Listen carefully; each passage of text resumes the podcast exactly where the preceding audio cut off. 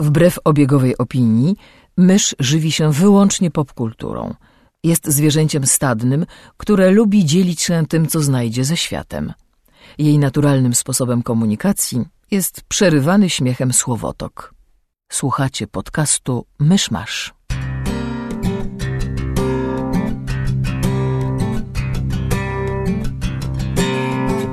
Gospodarzami podcastu Myszmasz są Krzysiek Ceran, redaktor portalu Avalon. Kamil Borek ze studia Kobart. i Mysz, autorka bloga Mysza Mówi. Drodzy słuchacze, jest poniedziałek, 1 września 2014 roku, rocznica hitlerowskiej napaści na Polskę i początek roku szkolnego. Przez całą edukację byłem przekonany, że to nie może być zbieg okoliczności. Zapraszam do 72 odcinka podcastu Myszmasz. Właśnie tak się zastanawiałam, czy ten zbieg, zbieg okoliczności? Może Hitler nie chciał płacić za podręczniki dla swoich nieślubnych dzieci. Co tam u was w tym tygodniu? Mam straszną ochotę zacytować kabaret Anim Rumru, zacząć klaskać i zaśpiewać nic ciekawego. A u ciebie? Chyba tydzień temu też miałeś taką ochotę. Eee, Tak i wtedy się nic nie powstrzymało. Widzicie? Dorastam. No to w tym tempie to jeszcze. Eee, ja w tym tygodniu strasznie dużo pochłonąłem filmów, seriali i, i gier i, i w ogóle. Ja się jestem tym wszystkim zadziwiony, bo zazwyczaj ten. Zazwyczaj tu przychodzę, żeby dwa razy zabrać głos i tyle. Czyli dzisiejszy odcinek e, pod tytułem Krzyś masz. Krzysie, Krzyś przejmuje odcinek. Znaczy, ja też mam całkiem sporo w tym tygodniu. Jak już przejmę ten podcast, to wprowadzimy tu pewne zmiany, a na razie Dear God, what have I Jeszcze done? powiedział z niemieckim akcentem. Głaszcząc puchatego kota. Well, Mr. Bond. Zwijmy it again. Tak. No dobra, to gadu gadu chyba mamy ze sobą.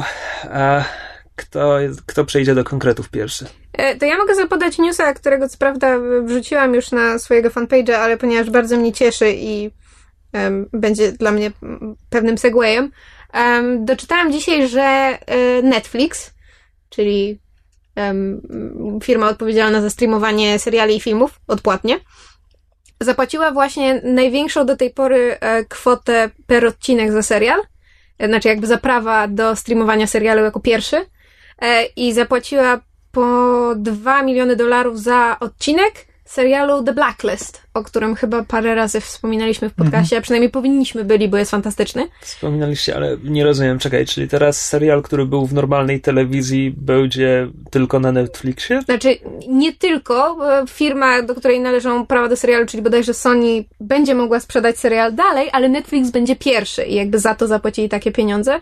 Wcześniej... Ale em, czekaj, dobrze pamiętam, że ten serial debiutował normalnie w telewizji. Tak, w zeszłym Tak. roku. On ma jeden sezon na razie. Em, I żeby Ale to było będzie śmieszniej... leciało jakoś równolegle z premierą telewizyjną, czy Nie wiem, było tylko, po... było tylko informacja, Aha. że, że, że, że tak powiem, em, wysupłali z portfela dużą kwotę. I rzeczywiście dużą, bo wcześniejszy rekord należał do The Walking Dead, gdzie za odcinek dali milion przecinek 35. Więc rzeczywiście różnica jest spora i o tyle mnie to cieszy, że może będzie to, że tak powiem, zachęta dla, dla widzów, żeby jednak sięgnęli po Blacklist, bo najbardziej zastanawiające jest dla mnie to, że Blacklist nie był ani bardzo chwalonym, ani bardzo popularnym serialem. To był wręcz jakby, mam wrażenie, czarny koń zeszłego sezonu serialowego, w przeciwieństwie do The Walking Dead, które jakby od początku było fenomenem telewizji. E, tym bardziej, że przecież Walking Dead było, jeżeli się nie mylę, na Showtime, czyli na stacji nie, jakby nietradycyjnej stacji, stacji telewizyjnej, a Blacklist to jest NBC, to jest zwykła telewizja. Więc jeżeli słuchacze szukają dla siebie jakiegoś nowego serialu na tę chwilę, bo nie wiem, skończył im się True Blood i nie mają co oglądać, albo po prostu nie mają co oglądać, to mysz osobiście bardzo polecę The Blacklist. Warto, warto obczaić, bo naprawdę jeden z lepszych seriali z zeszłego sezonu. Właśnie doczytałem, że to niestety jest sposób tak, że teraz już puszczają sezon pierwszy na Netflixie, e, natomiast drugi będzie po prostu tuż po końcu sezonu. Czyli, Czyli jakby, jakby tak. kończy się finał drugiego sezonu i wtedy jest dostępny na Tak, i Netflixie. wtedy będzie dostępny na Netflixie. No ale tuż po. I tak fajnie, że, że w ogóle będzie dostępny. Mówię, może, może teraz więcej osób po niego sięgnie, bo ja bym się w sumie bardzo ucieszyła, gdyby serial jeszcze potrwał parę sezonów. Nie, na pewno tak. Ja tylko liczyłem, że może wiesz, że może idzie jakaś fala nowości i będzie tak, że, że na Netflixie będzie można oglądać krótko po tym, jak było w telewizji, ale Nie. nie ma tak dobrze. Z kolei dzisiaj wyczytałam też, że Amazon wprowadził kolejną transzę pilotów oryginalnych seriali i chyba można je oglądać e, za darmo, jeżeli się ma wykupione konto tam Prime, Amazon Video czy coś takiego. E, Jest to o tyle ciekawe, że oni wyprodukowali kilkanaście pilotów oryginalnych serii i można głosować na to, które się chce, żeby jakby powstały pełne sezony. W sumie fajna idea, takie poddawanie właśnie pod głos publiczności. Może gdyby na przykład zrobili coś takiego z Almost Human, to serial by przetrwał. Nieodżałowany serial myszy. No ale to tyle z newsów. Ode mnie. W połowie newsa, w połowie recenzja. E, w wielkiej Newsa? kolekcji... W połowie newsa? Ach, cicho. E, w wielkiej kolekcji komiksów Marvela w tym tygodniu ukazał się 1602 Nila Gaimana, czyli to jest kolejny komiks, który był już na rynku polskim. 10 lat temu pewnie z okładem wydał go Egmont e, w dwóch tomach. Jest scenariusz Nila Gaimana, rysunki Andiego Kuberta. Mm. I to jest tak zwany Elseworld, czyli historia rozgrywająca się w świecie niezwiązanym z głównym uniwersum Marvela, w którym z jakiegoś powodu, który zostaje wyjaśniony w trakcie trwania historii, e, bohaterowie znani z komiksów Marvela zaistnieli w świecie 400 lat wcześniej niż, niż powinni, czyli w czasach e, elżbietańskiej Anglii. Mamy, mamy ser Nicolasa Fury'ego, który jest e, tym e, no, głową, głową szpiegów Królestwa Brytyjskiego. Spymasterem. Spymasterem, tak. Mam ten. Mamy jego asystenta Petera Parquois, bo tam niektórzy mają zmienione imiona z jakichś powodów. Jakby naprawdę ludzie potrzebowali kolejnego powodu, żeby się nabijać z biednego Petera Parkera. I, I mógłbym tak długo jeszcze wymieniać, bo ta seria właściwie nie ma głównego bohatera. Znaczy, na początku może się wydawać, że, że to właśnie Fury i Peter mogą nimi być, a tak naprawdę tam potem dostajemy kolejnych i kolejnych, i, i, i jest nam kilkanaście postaci. Jest, nie wiem, hiszpański, hiszpański myśliciel Javier i ten cz- czarorodni, których uczy, czyli ludzie, którzy rodzą się z niezwykłymi umiejętnościami, więc są traktowani jako pomioty wiedźm i szatana i paleni na stosie. I tam jest oczywiście Angel, Cyclops, Iceman i Pamiętam tak dalej. Daredevila, który trochę wygląda jak ubrany w czerwień Zorro. A, tak, bo, bo Daredevil zarabia na życie jako bard. Podróżuje i, i śpiewa. Więc tak, jest on, jest, jest Czarna Wdowa, jest... No, mógłbym tak długo wymieniać, bo, bo tych postaci jest tam dużo. E, czasami to, że ktoś jest właśnie Marvelowym bohaterem jest, jest zaskoczeniem, więc już nie będę za dużo mówił. I co? I ogólnie chodzi o to, że jest, jest tam kilka wątków, ale ogólnie chodzi o to, że znaki na niebie i ziemi wskazują, że świat zaraz się skończy, nastąpi apokalipsa i nie bardzo wiadomo czemu. E, No ale jest jakaś tam nikła nadzieja na, na jego ocalenie i właśnie losy różnych bohaterów się w to wszystko splatają i, i tak dalej. E, I to jest jeden z moich ulubionych Marvelowych Elseworldów. Ja bardzo lubię ten komiks, właśnie mam oryginalne wydanie, nawet kiedyś odstałem swoje w kolejce do Gaimana po autograf. W związku z czym nie kupiłem go teraz z wielkiej kolekcji komiksów Marvela, więc nie mogę ocenić ani, no, nie wiem, czy jest ładny papier, czy dobre tłumaczenie, czy, czy cokolwiek. Mm. Ale bardzo go lubię, często do niego wracam. I ogólnie polecam. Bardzo ładne rysunki z taką trochę pastelową paletą barw. No, tak. Wiem na 100%, że już wspominałem o tym komiksie kilkakrotnie w podcaście.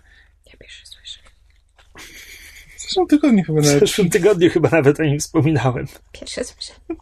Dobra pamięć, bardzo krótka. Okej, więc już pamiętam, że mysz go nie zna, ty go czytałeś kiedyś, prawda? Tak, ja go czytałem te 10 lat temu, kiedy ty go sobie kupiłeś i mi pożyczyłeś. E, e, ale nic z niego nie pamiętam, poza tym, że mi się podobało.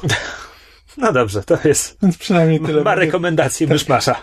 Mam mój znaczek jakości, choć nie wiem za co. Na znaczku jakości jestem tylko ja rozkładający ręce. I don't know. Chyba było dobre. Kto wie? Daj się zaskoczyć. E, No, chodź tu, ścierwo. O, Jesus. Jezus. Dear God, man! Co ci ten napój zrobił? nie chciał się otworzyć. To jeszcze nie powód, żeby go wyzywać. Ścierwo to takie... Aha. It's a term of endearment. E, Od ty trupku. To ja sobie w tym tygodniu i w zeszłym tygodniu e, robiłem tak powoli tej powtórzenie z filmów Robina Williamsa. Odważny E. człowiek. Ja bym nie dała rady. Widzę jego zdjęcia i coś się we mnie po prostu rozkleja. E, właśnie chciałem sobie tak poprzypominać trochę, więc obejrzałem Good Will Hunting, który wciąż jest jaki jest. No, to jest wciąż fajny film, który się przyjemnie ogląda, który no, jest trochę momentami przesłodzony i no, ale, ale to wciąż bardzo, bardzo przyjemny film. E, natomiast e, chciałem powiedzieć o filmie, który jest jakby trochę mniej znany, bo to jest trochę jeden z nowszych, znaczy on ma już tam z 10 lat pewnie. E, film World's Greatest Dad. E, na- najlepszy ojciec na świecie, nie jestem pewien jaki był polski tytuł. Pewnie super tata albo coś takiego. E, to by było, to by było bardzo złe, bo e, film nie jest komedią. E, jakby nawet już opowiedzenie o czym jest, jest poniekąd pewnym spoilerem, bo tak naprawdę o czym jest film wyjaśnia się dopiero tak gdzieś w jednej, po, po pierwszej, jednej trzeciej. No to opowiedz, o czym jest pierwsza jedna trzecia. Pierwsza jedna trzecia jest taka, że Robin Williams gra e, pi, aspirującego pisarza, który napisał już tam ze trzy, cztery powieści, ale żadnej, e, żadnej nie udało mu się wydać. I w momencie, kiedy go jakby poznajemy, to właśnie siedzi nad swoją tam, nie wiem, właśnie czwartą albo piątą i stwierdza, że to już będzie, że albo to na, e, znaczy, że jeśli uda mu się tą, tą, tą powieść wydać, to, to fajnie, jak nie, to po prostu rzuca, rzuca pisanie. A tak doraźnie to pracuje w szkole, gdzie ma taki, gdzie flirtuje, czy ma romans właściwie, bo już się tam spotykają z jedną z nauczycielek, ale też trochę rywalizuje, e, flirtuje z nią e, wysoki, przystojny e, Nauczyciel WF-u zgaduje. nie, nie. Inny po prostu nauczy, nauczyciel, któremu w dodatku z, też na początku udało się, w, udało się zamieścić jedno ze swoich e, opowiadań w New Yorkerze. E, więc jakby jest taka rywalizacja e, delikatna, gdzie jakby nie, nikt nie przyznaje, że to jest rywalizacja, ale tak sobie dopiekają na każdym kroku i też walczą o tą, e, o tą jedną kobietę, A kto gra tego drugiego absztyfikanta? Wiesz co, nie znam, prawdę mówiąc, jakiś czarnoskóry aktor, ale e, nie kojarzę go z nazwiska. E, I no i Robin Williams, czy jego postać, nie pamiętam jak się nazywa, ma syna, z którym się nie do końca dogaduje, bo syn jest e, takim tak zwanym lonerem, jest wyrzutkiem, e, perwersem, jakby na początku, bo na początku filmu e, ojciec go łapie na tym, jak próbuje, z, jak się masturbuje, dusząc się krawatem e, i z, tam i próbuje, próbuje zawsze jedyne o czym potrafi rozmawiać to, to o seksie i tak dalej. Więc to są takie drosterki właśnie e, mężczyzny z związanego, znaczy trochę z trudnym życiem, który właśnie ma, ma jakieś aspiracje, ma jakieś marzenia, ale nie bardzo mu się je udaje osiągnąć. No, widziałem fragmenty tego filmu. Może kiedyś złapałem go w telewizji? Albo widziałem zwiastun, bo to brzmi znajomo.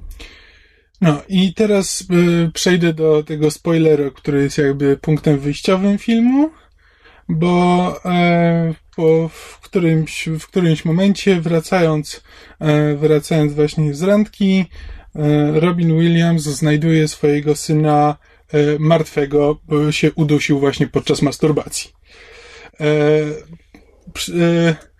Więc Williams, ponieważ jakby nie chce przyznać, co się naprawdę stało, to pozoruje samobójstwo i, pisze z, i pisze za syna notkę samobójczą.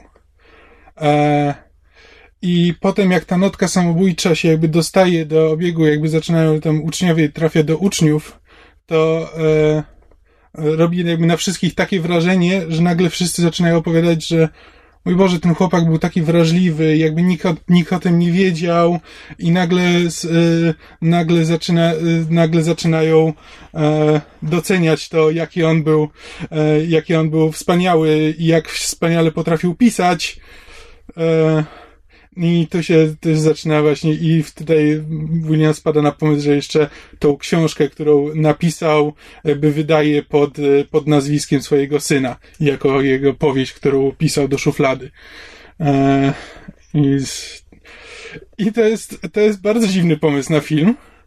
To jest zdecydowanie tragikomedia, e, ale jest e, sprawnie napisana, nie jest to może najlepszy film, jaki w życiu widziałem, ale jest naprawdę fajnie napisany i rzeczywiście bardzo, bardzo ciekawie jakby opowiada właśnie o tej, tej potrzebie bycia zauważonym i, e, i też radzeniu sobie ze stratą i z, e, właśnie z ogromnym, z ogromnym żalem e, i jakby odnajdywaniu się w oczach innych. E, I to bardzo, bardzo ładnie oddaje. E,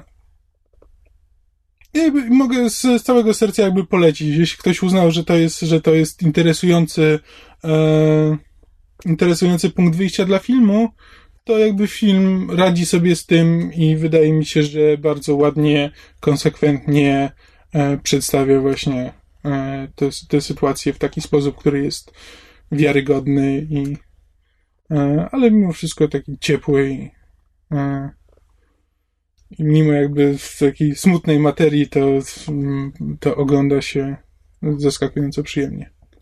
A propos Williamsa, e, oglądałeś filmy, w których próbował rozruszać swoją przymierającą karierę, grając tych złych?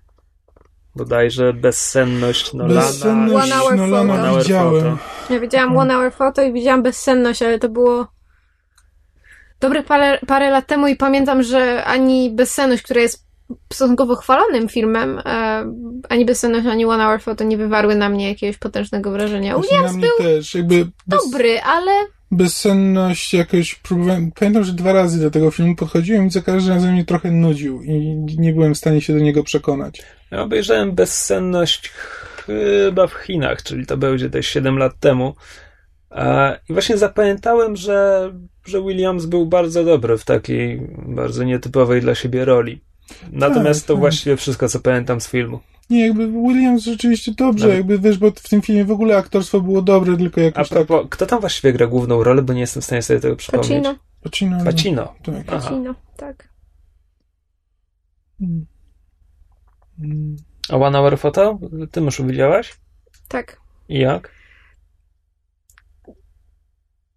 Pod względem gry aktorskiej na pewno gorzej niż Bezsenność. Fabularnie niewiele pamiętam. Moim zdaniem to był taki... To, to niby był thriller, ale to, to napięcie było moim zdaniem trochę nieumiejętnie stopniowane, a finał filmu był taki tak trochę jakby niwelował to całe napięcie, tak jakby był trochę doklejony. Znaczy, to są, mówię, to są niejasne wrażenia, wspomnień, które mam naprawdę dawno ten film widziałam i nie wywarł na mnie żadnego mm, ten lasting impression, jak to się mówi. No, a wiele lepiej pamiętam inne filmy Williamsa, na przykład Bicentennial Man, przy którym mysz słynnie zawsze płacze, albo tak, mysz słynnie, tak. Turyści przyjeżdżają, żeby to zobaczyć. O, żebyś wiedział. Jak Kolejki. Jak ten kwiat, który kwitnie raz na 7 lat, to myśl, każdym razem jak postanawia obejrzeć Bicentennial Man raz na parę lat, to zjeżdżają się japońscy turyści. E, w każdym razie chciałam powiedzieć, że, że jakby wolę jego występy na przykład w Bicentennial, Bicentennial Man, czyli tam jest Człowiek Człowiek przyszłości, albo w um, when, what, what Dreams May Come, czyli Między piekłem a niebem, bo oczywiście. Taki będzie polski tytuł. E, tak. No ja w każdym razie podziwiam Kamila, ja, ja nadal nie bardzo mogę patrzeć na występy Williamsa, trochę się jeszcze rozklejam. Jak oglądałam rozdanie nagród Emmy i był bardzo piękny, e, bardzo piękna przemowa przez e, Białego Krystala. Um, to, to, to po prostu strasznie się rozkleiłam, a z drugiej strony się uśmiechałam przez łzy. Bardzo, bardzo ładnie to było ujęte. Robin Williams. What a concept. Hmm. A weźcie, zmieńmy temat, bo ja już zaczynam po prostu widzieć przez łzy. Dobrze, to Krzysiek, twoja kolej. Moja kolej. To może trochę literatury dla odmiany. Skończyłem drugi zbiorek opowiadań Roberta Wegnera. On ma na koncie dwa zbiorki opowiadań i pierwszy tom cyklu osadzonego w tym samym świecie. I to tym światem, kraina fantazy, co chyba nie ma jakiejś konkretnej nazwy, ale tam jest imperium zwane prawdopodobnie Mekanem. Mówię prawdopodobnie, bo Wegner zapisuje to przez dwa e i nie mam pojęcia, jak on chciałby, żeby to wymawiać. Czy to ma być Mikan, czy to ma być Mekan. Znaczy, wszyscy chyba mówią tam, bo to jest chyba opowieści z mekańskiego pogranicza. Tak. Z tego co wiem, nikt tego nie przedłuża, tylko po prostu. Po prostu, no dobrze, tak. niech będzie. A to dobrze, bo gdyby to przedłużać, to potem e, cztery z tych opowiadań są umieszczone w mieście, które nazywa się Ponke, Ponkela, więc robi się głupio. On ma trochę problem z tymi nazwami fantazy, znaczy niektóre z nich naprawdę głupio brzmią z tego, co on zapisuje. Ale przejdźmy do tego, o czym to jest. A więc mamy ten świat, w którym jest ten Mekan, to jest imperium, które podbiło okoliczne krainy, ludy i narzuciło im jakby ustandaryzowało obyczaje, prawa i tak dalej.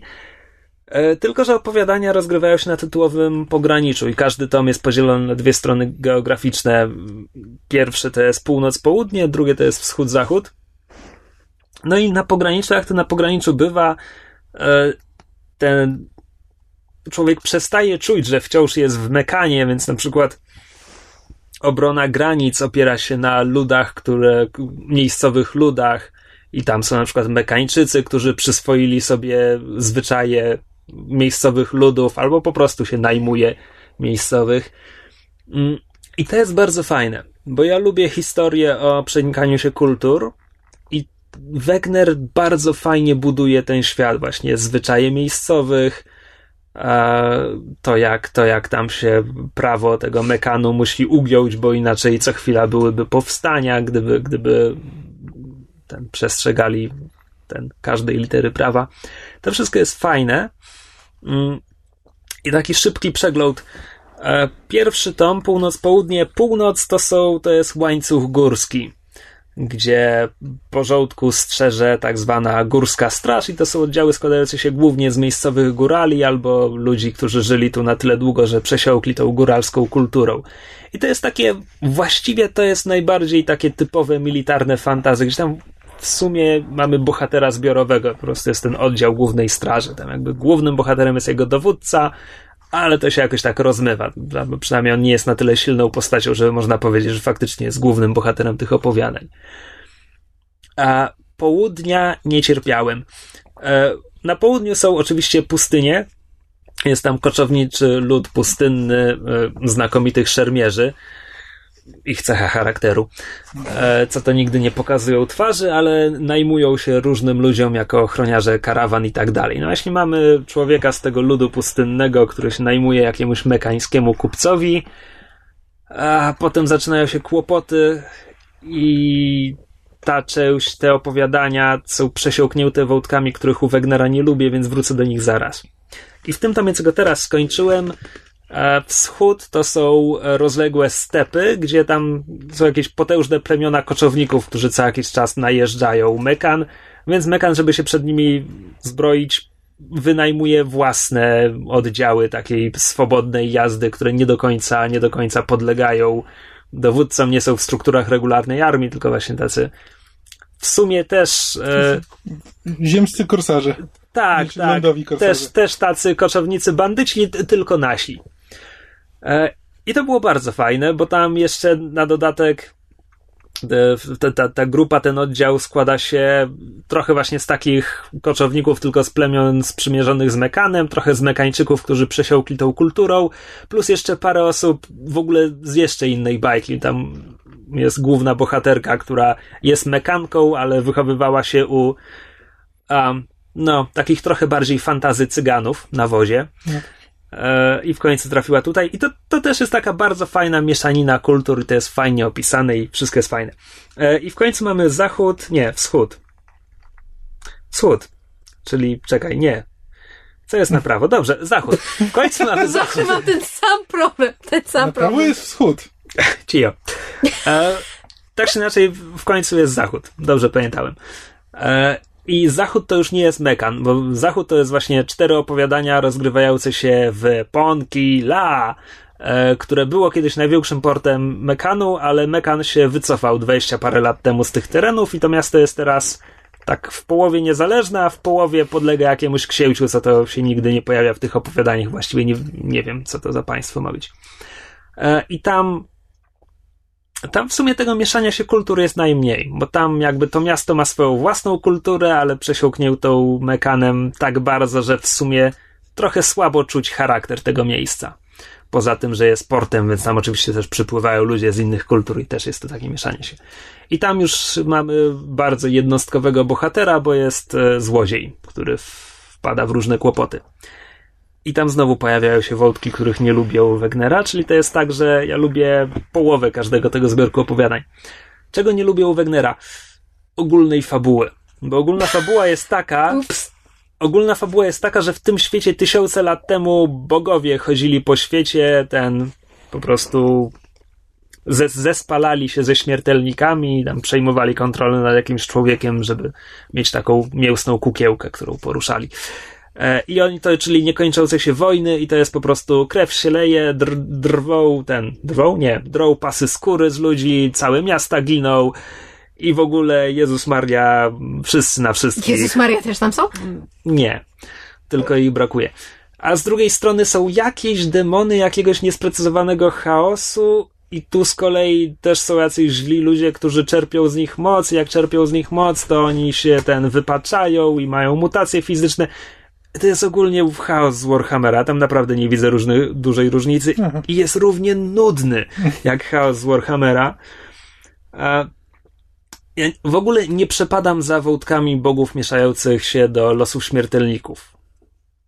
Lubię w, w paru wydaniach, nie lubię ich w tym wydaniu, bo właśnie kilku bohaterów tych opowiadań to są, to są ludzie, bo teraz, aha, bo ta cała ogólna fabuła dąży do tego, że najwyraźniej to wszystko wraca. Właściwie nie wiadomo, co bardziej wraca, czy ten chaos, czy, czy ci bogowie znowu zaczynają działać, czy wszystko naraz. Chyba wszystko naraz.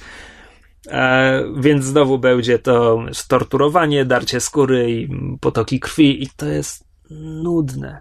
A do tego jeszcze dochodzi magia, która u Wegnera, ponieważ ani razu głównym bohaterem tych opowiadań dotąd nie był mag, może to jest problem, więc o tej magii ludzie coś tam wiedzą i narrator też coś przekazuje o tej magii, ale to jest takie, że są aspekty i one są dobre i uznawane i jest magia nieaspektowana, która jest wyjęta spod prawa, ale ona czasami jest zła, czasami nie, ale są jeszcze czerpanie z chaosu. I to jest tak nudne i donikąd nie prowadzi. Podręcznik RPG. Trochę. Hmm. Trochę. Są, jest parę ciekawszych as, aspektów tej magii, bo tam są na przykład szamanie, czy taka magia związana z końmi tam na, na stepach i to się robi ciekawe, ale to jest jakby mm, ten, kropla w morzu dziegciu. A, I zaczyna się, zaczyna się cykl i pierwszy tom Niebo ze stali powiedziano mi, że tam znaczy, to już wynika z opowiadań, ale tylko ktoś mnie utwierdził w tym przekonaniu, że tam się spotykają bohaterowie e, wschodu i północy, czyli tych opowiadań, które mi się dużo bardziej podobały, więc dlatego pewnie sięgnę po ten pierwszy tom. A potem, a potem zobaczymy, jak bardzo te wątki bogów i chaosu i całej tej magiczno-apokaliptycznej nudy, na ile będą ważne. Może nie będą bardzo ważne, to byłoby miłe. E, No jest na razie mamy dwa tomy opowiadań i, i pierwszy tom cyklu. Chyba nie wiem na ile Wegner planuje ten cykl, w każdym razie nic, nic nie słyszałem nawet o, o następnym jeszcze. E, polecam opowiadanie, bo to jest dobra fantastyka, nawet jeśli mi tam połowa wątków w każdym zbiorku nie pasuje. E, to wciąż jest dobra fantastyka, fajnie napisana. Hmm, To- To nie dostały jakiejś nagrody? Pewnie tak, pewnie jakieś Zajdle dostał. E, to się po prostu szybko czyta. Seidle to ja znajduję w kanapie. I autentycznie, autentycznie nie mogłem się oderwać. E, także bardzo polecam. Tylko, że y, te opowiadania zmierzają ku tej sadze, którą będzie pisał, y, w związku z czym każdy wątek, każda strona geograficzna kończy się cliffhangerem i to czasami bardzo chamskim. To znaczy, ostatnie opowiadanie wschodu to właśnie tam bohaterka ze wschodu spotyka się z bohaterem z północy i to jest po prostu, no to następnego dnia ruszycie tam i się przekonacie, co tam jest. Koniec. Teraz sięgaj po cykl. To ja jeszcze o jednym filmie, Też Williamsa? a potem będę miał o grze. Nie. E, teraz już jakby z zupełnie innej beczki, bo film jest e, brytyjski. Mowa o filmie The Trip, w którym gra e, Steve Coogan i Rob Brydon. E, Steve Coogan i oni grają siebie zasadniczo. Znaczy, e, grają e, aktora, Steve Coogan gra aktora Steve, Steve'a Coogana, a Rob Brydon gra no, komika no i też poniekąd aktora Roba Brydena. No tylko jak to w filmach bywa, no grają tam jakąś interpretację siebie. E, I film zaczyna się od tego, że Steve Coogan dzwoni do Roba Brydena, że ma taką robotę, że tam musi przyjechać po, się po północy kraju i tam e, spróbować jedzenia w różnych restauracjach i to wszystko tam robią dla gazety, chyba The Guardian czy coś, czyli dla jakiejś tam gazety po prostu taką wycieczkę po, e, po Wielkiej Brytanii i po restauracjach i tamtejszych pensjonatach i tego typu sprawach. Czyli taki nasz Robert Makłowicz trochę. Tak, że po prostu zaczyna się od tego, że e, miał tam jechać ze, ze swoją dziewczyną, e, ale tam mają pewne problemy, z, mają przerwę w związku e, i też jakby nawet w tej rozmowie Kugan stwierdza, że no już obdzwonił kilka różnych innych osób, ale e, ni, ni, nikomu się nie udało, no i że dzwoni do ciebie i jakby już od samego początku widać, że jakby e, znają się, bo tak jak w rzeczywistości pracowali razem wiele lat przy różnych projektach, że znają się od lat, ale nie do końca się lubią. E, I z tego punktu widzenia, że mamy film drogi z dwoma, e, z dwoma aktorami, którzy jakby ze sobą rywalizują i próbują przy każdej e, dysku, przy każdej rozmowie próbują się popisywać i przebijać nawzajem. E, i tak nie do końca, nie do końca potrafią się, e, potrafią się dogadać. Szczególnie, że jakby Rob Brydon jest, e, zarówno Rob Brydon, jak i Steve Coogan obaj są znani z,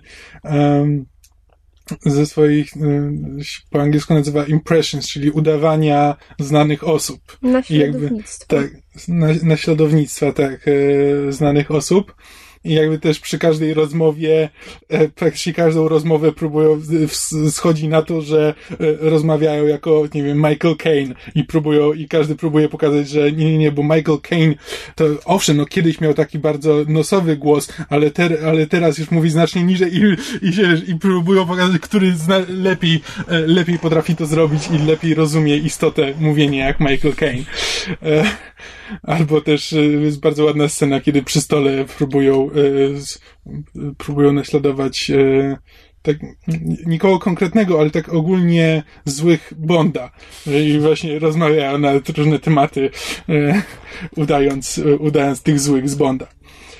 I to jest to jest jakby cały film, to jest taki typowy film drogi, gdzie oni po prostu jadą i albo są w samochodzie, albo są w jakiejś restauracji i ze sobą gadają, albo Steve Coogan rozmawia ze swoją dziewczyną przez telefon i cały jakby, że tak umownie konflikt, no bo jakby z, e, w tym filmie ciężko powiedzieć, że to jest taki mm, z krwi i kości konflikt, ale jakby polega na tym, że e, jakby Steve Coogan tak jak i w rzeczywistości jest dosyć znanym aktorem, że to jest znane nazwisko, ale też nie na tyle, żeby było, y, żeby było znane każdemu. I on jest w takim momencie, gdzie on by chciał grać w filmach autorskich, u, u, u dobrych reżyserów, którzy ma, z wizją. Ale też z drugiej strony chciałby być popularny i chciałby grać na, i, jakby, i nie może tych dwóch rzeczy pogodzić.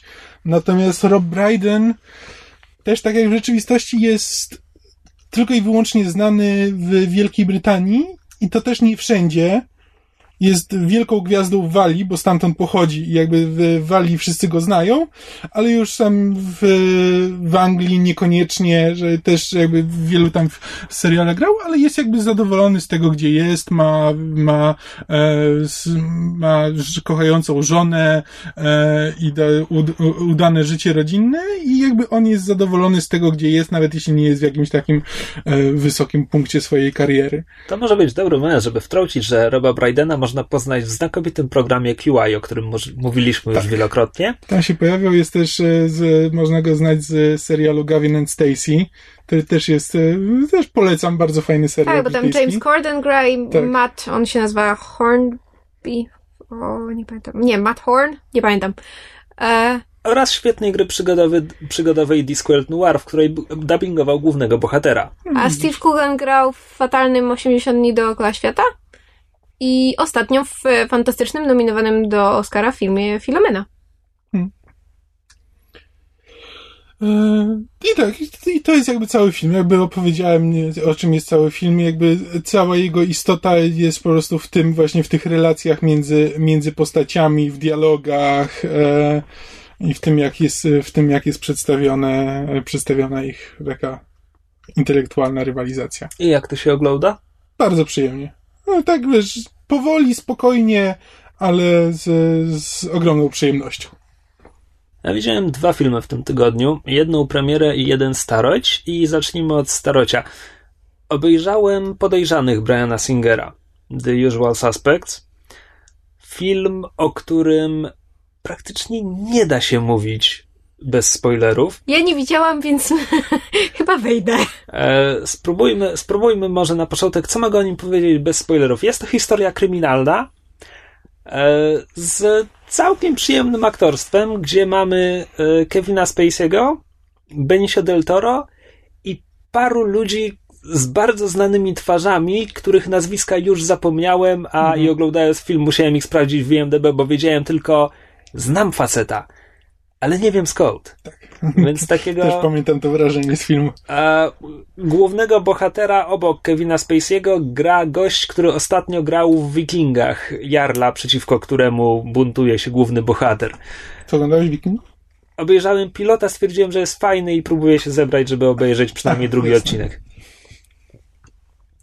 E, tak, no to tyle mogę opowiedzieć o podejrzanych bez spoilerów. I teraz będę mówił ze spoilerami. Myszu, jeśli chcesz, to wyjść. Przede wszystkim spoilerem jest samo powiedzenie, że to jest film, który opiera się na twiście, na zaskakującym zakończeniu. Bo jak już powiesz, że to jest film, który opiera się na zaskakującym zakończeniu, to wtedy łatwo się domyślisz, jakie jest to zaskakujące mm. zakończenie. To jest punkt pierwszy. Punkt drugi. Ja przez jakąś osmozę wiedziałem, jakie jest zaskakujące zakończenie tego filmu i tak. oglądałem go od początku no i oglądając go od początku z tym przeświadczeniem, ten film nie ma sensu. Mhm. Ten film nie ma sensu, ponieważ ma niewiarygodnego narratora. E, to jest, to też jest spoiler.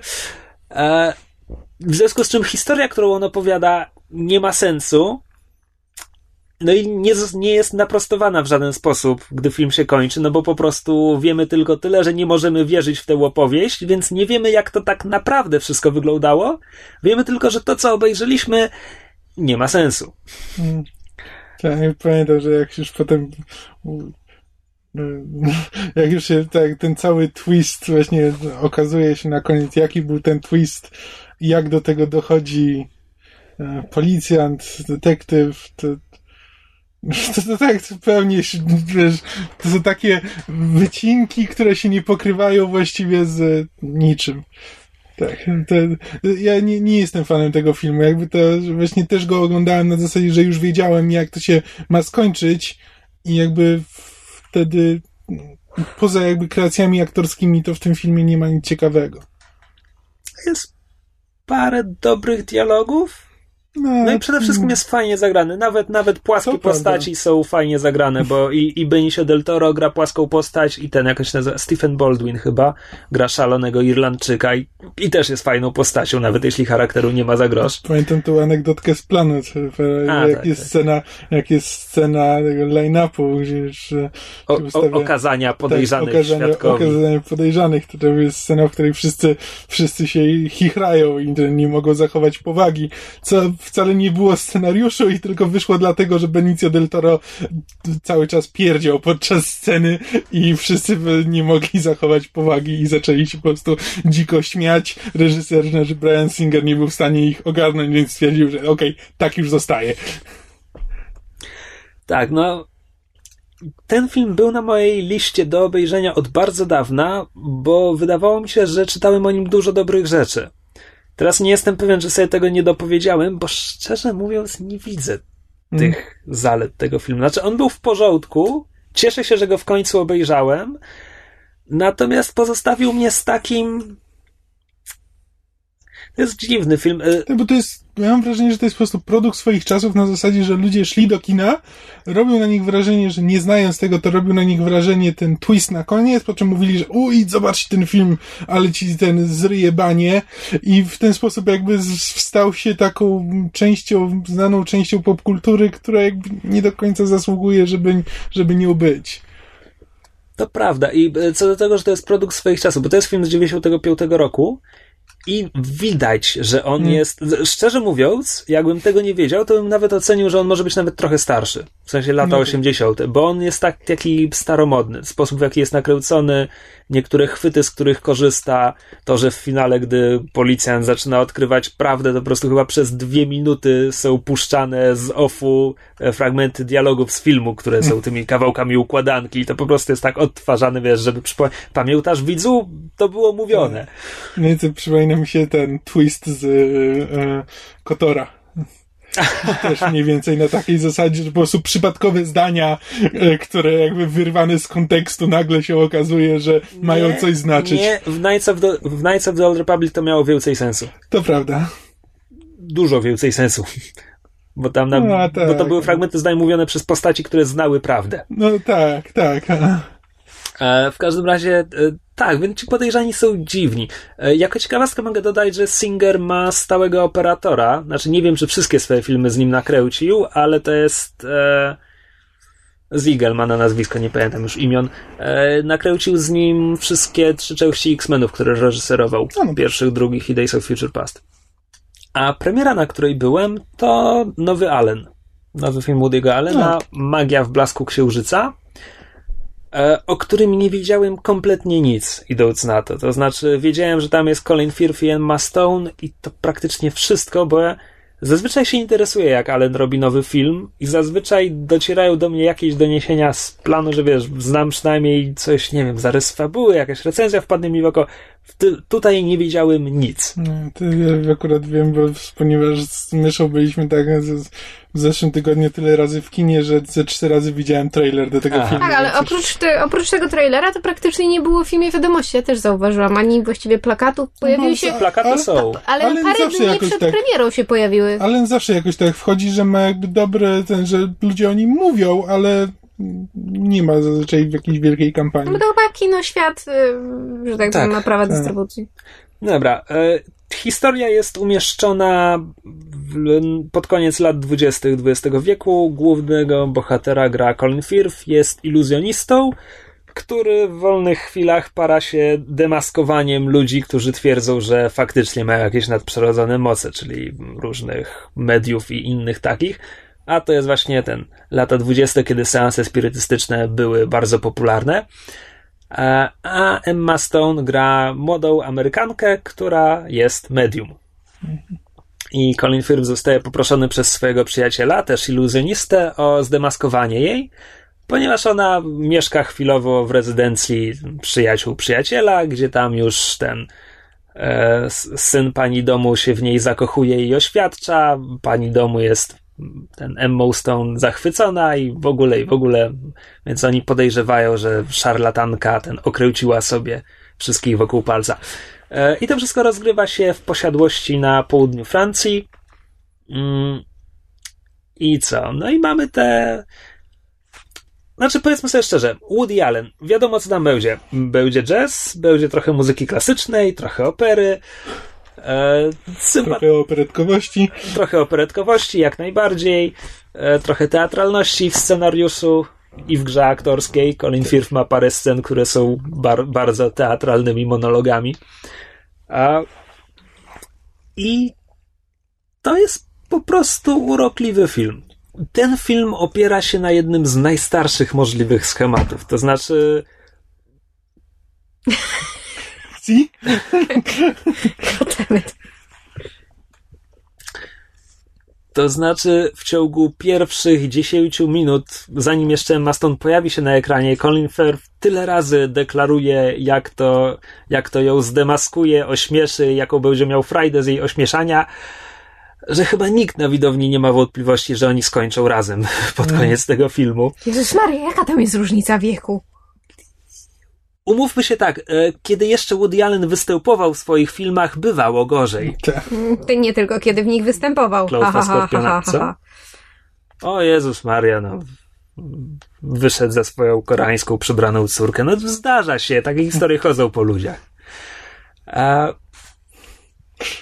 Po reżyserach. Po, po, ale nie i po polańskim głównie. nie, nie, nie, nie, nie, nie, czekaj. To dwie bardzo różne no, sprawy. Dobra, dobra. Nie, nie mieszajmy. E, ale wracając do filmu.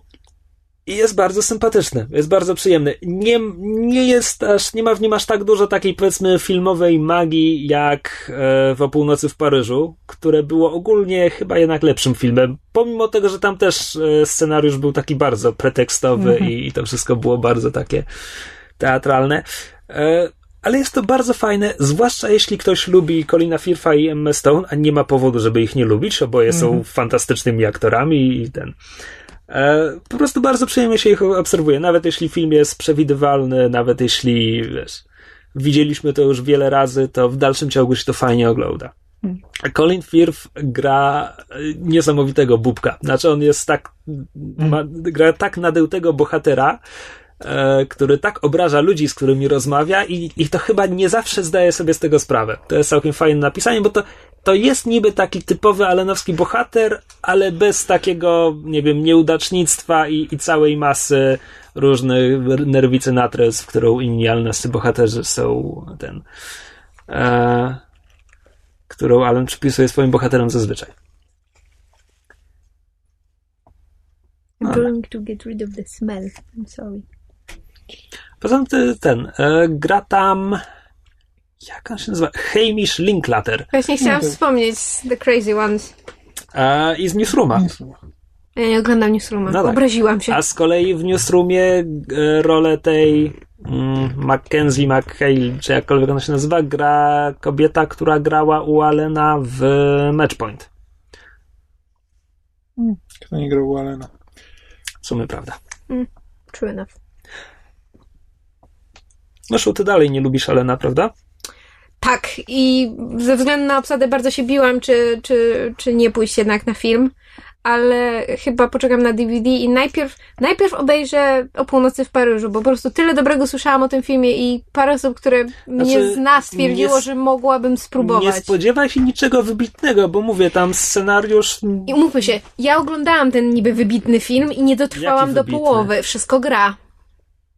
Wszystko grać się nie podobało? Wyłączyłam w połowie, nie dałam rady. Ojej. Pomijam, że scen Kassandry wyłączyłam po 10 nie, nie, minutach. Scen Kassandry jest tragiczna. Szmirą. To wiem, ale mówię, o, o, oglądałam e, wszystko gra i wyłączyłam w połowie mniej więcej w momencie, kiedy bohaterzy, znaczy bohater grany przez Jonathana Rhys Meyersa zaczyna się kłócić z bohaterką graną przez Scarlett Johansson. Wyłączyłam LOL Nope. Jedyny film od początku do końca um, Woody'ego Allena, który obejrzałam, to była Klątwa Skorpiona i obejrzałam go tylko dlatego, że leciał w tle i nie miałam nic lepszego do roboty.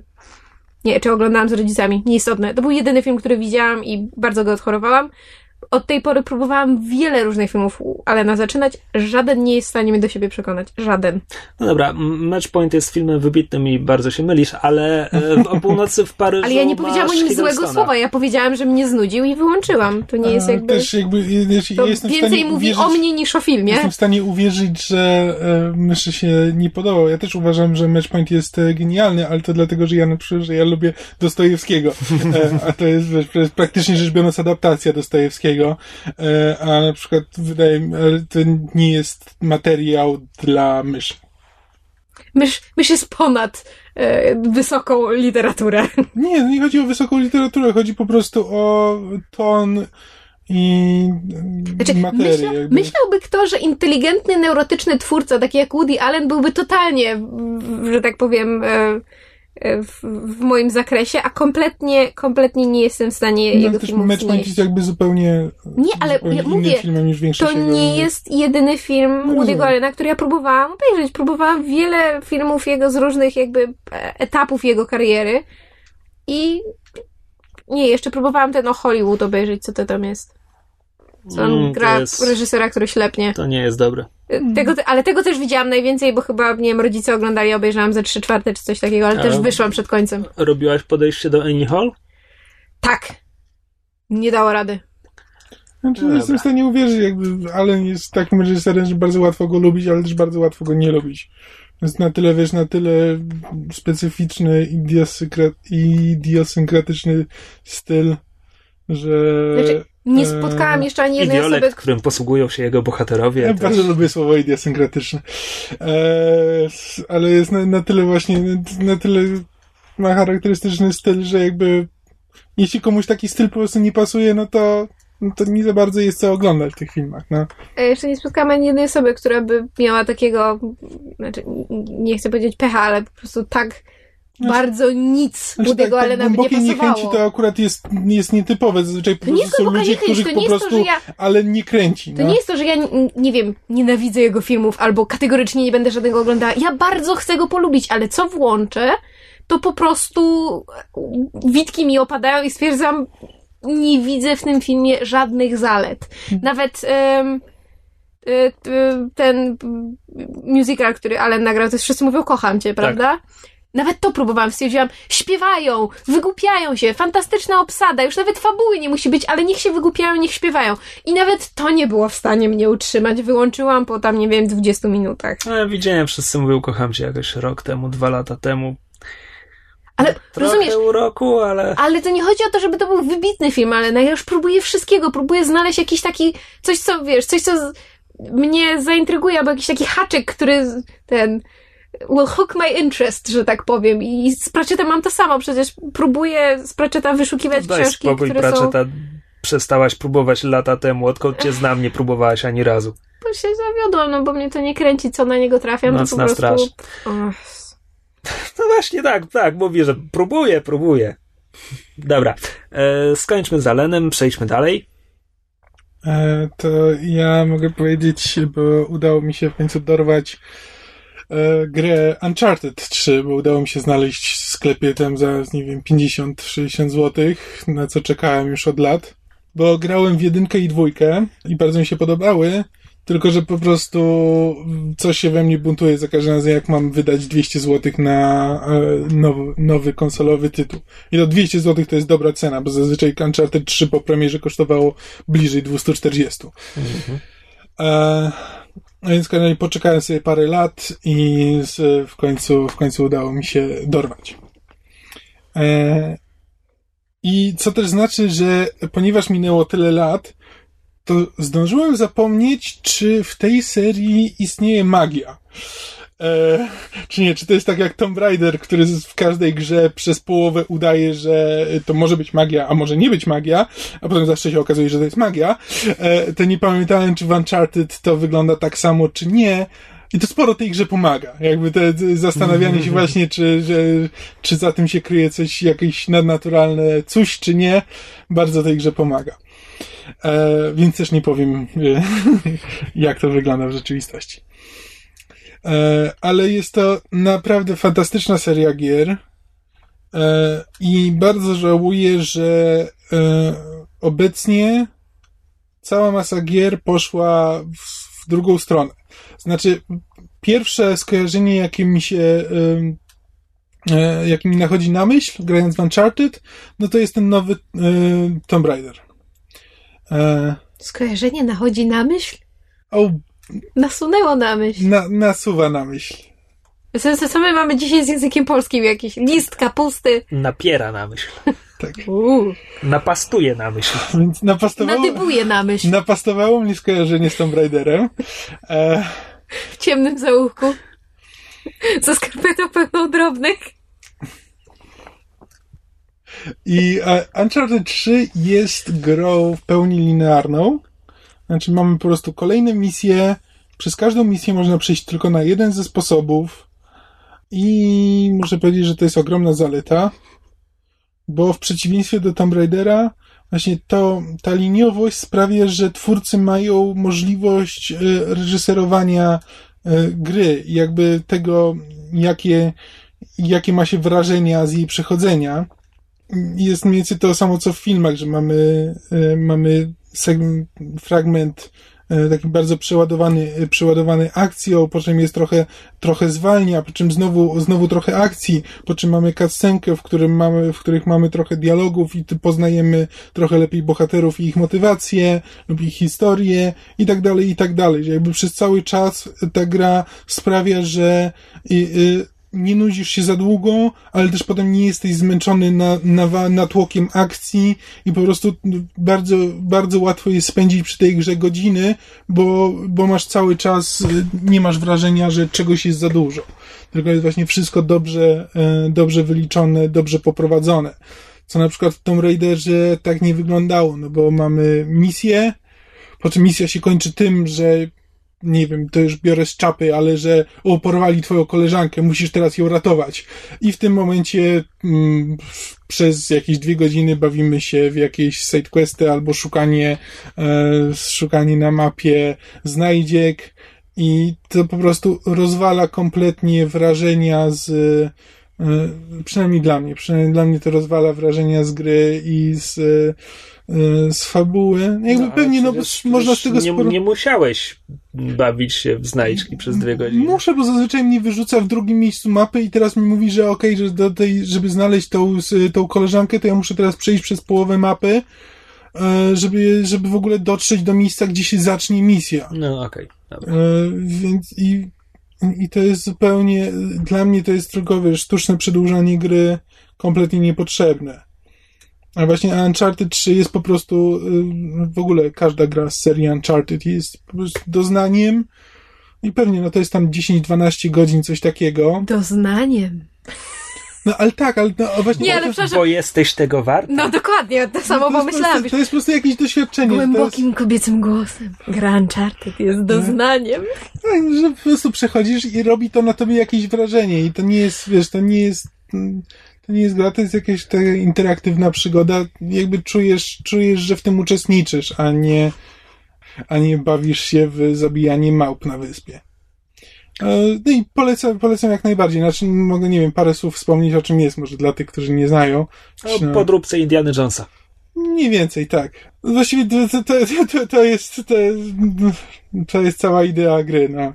Nathan Drake, e, który jest ponoć potomkiem Francisa Drake'a, e, właśnie jest domorosłym archeologiem i to archeologiem właśnie ze szkoły Indiana Jonesa i Tomb Raidera, który więcej czasu e, poświęca na niszczenie wielkich świątyń i uciekanie z ich ruin niż, e, niż odkopywanie czegokolwiek.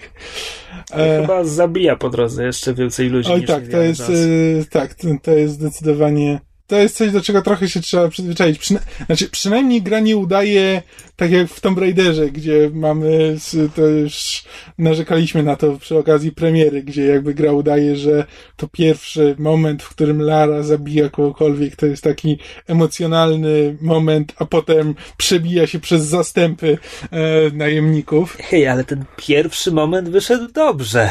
Tak, no, to tutaj jakby, tutaj przebijamy się cały czas przez zastępy najemników, piratów i tego typu, e, tego typu rzeczy. No ale jakby film jest utrzymany w takiej konwencji, jakby właśnie w konwencji filmu akcji, gdzie to aż tak nie razi, gdzie jakby to jest normalne, to jest jakby tak filmy akcji na przykład z lat 90., to jakby nikt się nie zastanawiał nad tym, ile, e, ile osób tam umiera. Czyli skrzyżowanie Indiana Jonesa z Expendables? Pewnie tak, pewnie coś w tym stylu.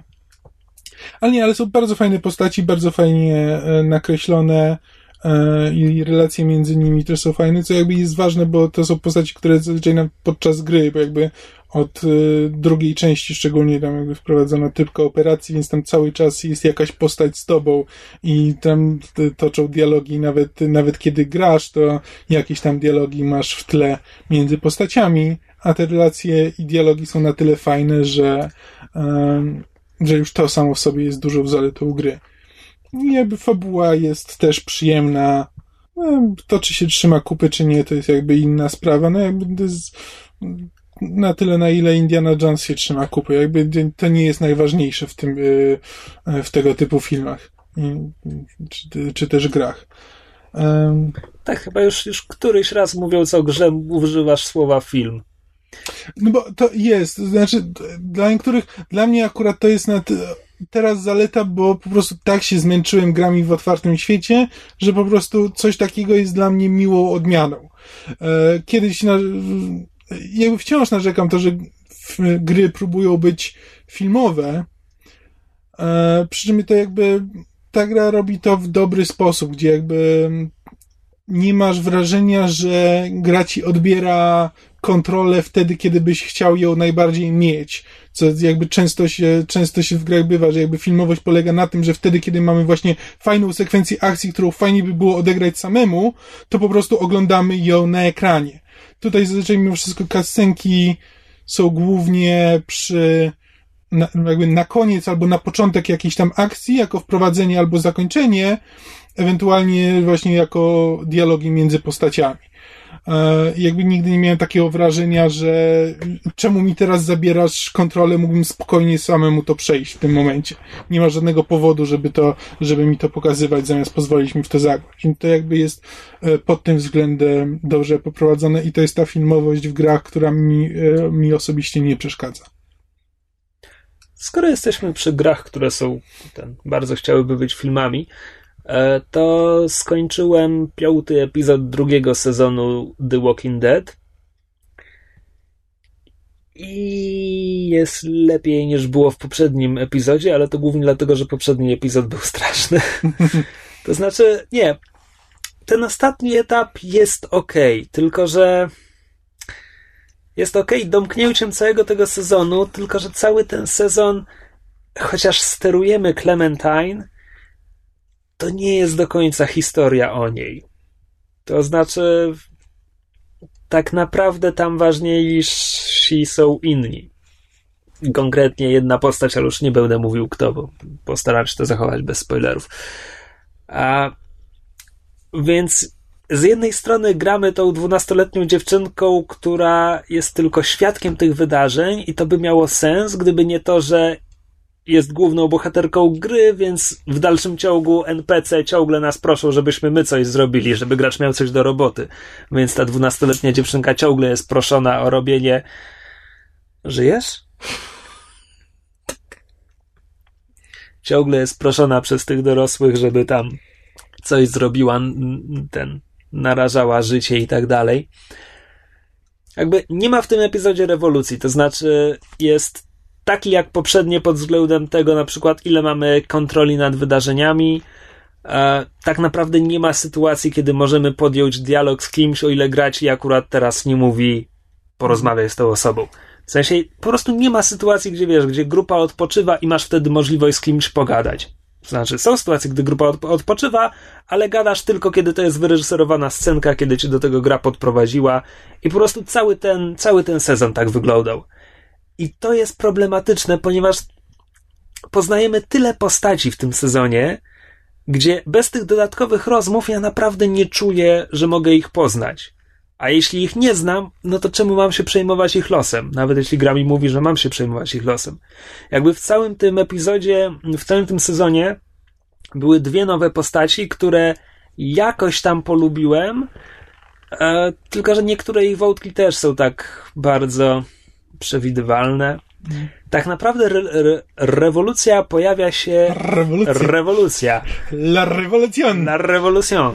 E, pojawia się w finale tego finalnego epizodu, ponieważ twoje wybory zaczynają autentycznie mieć znaczenie.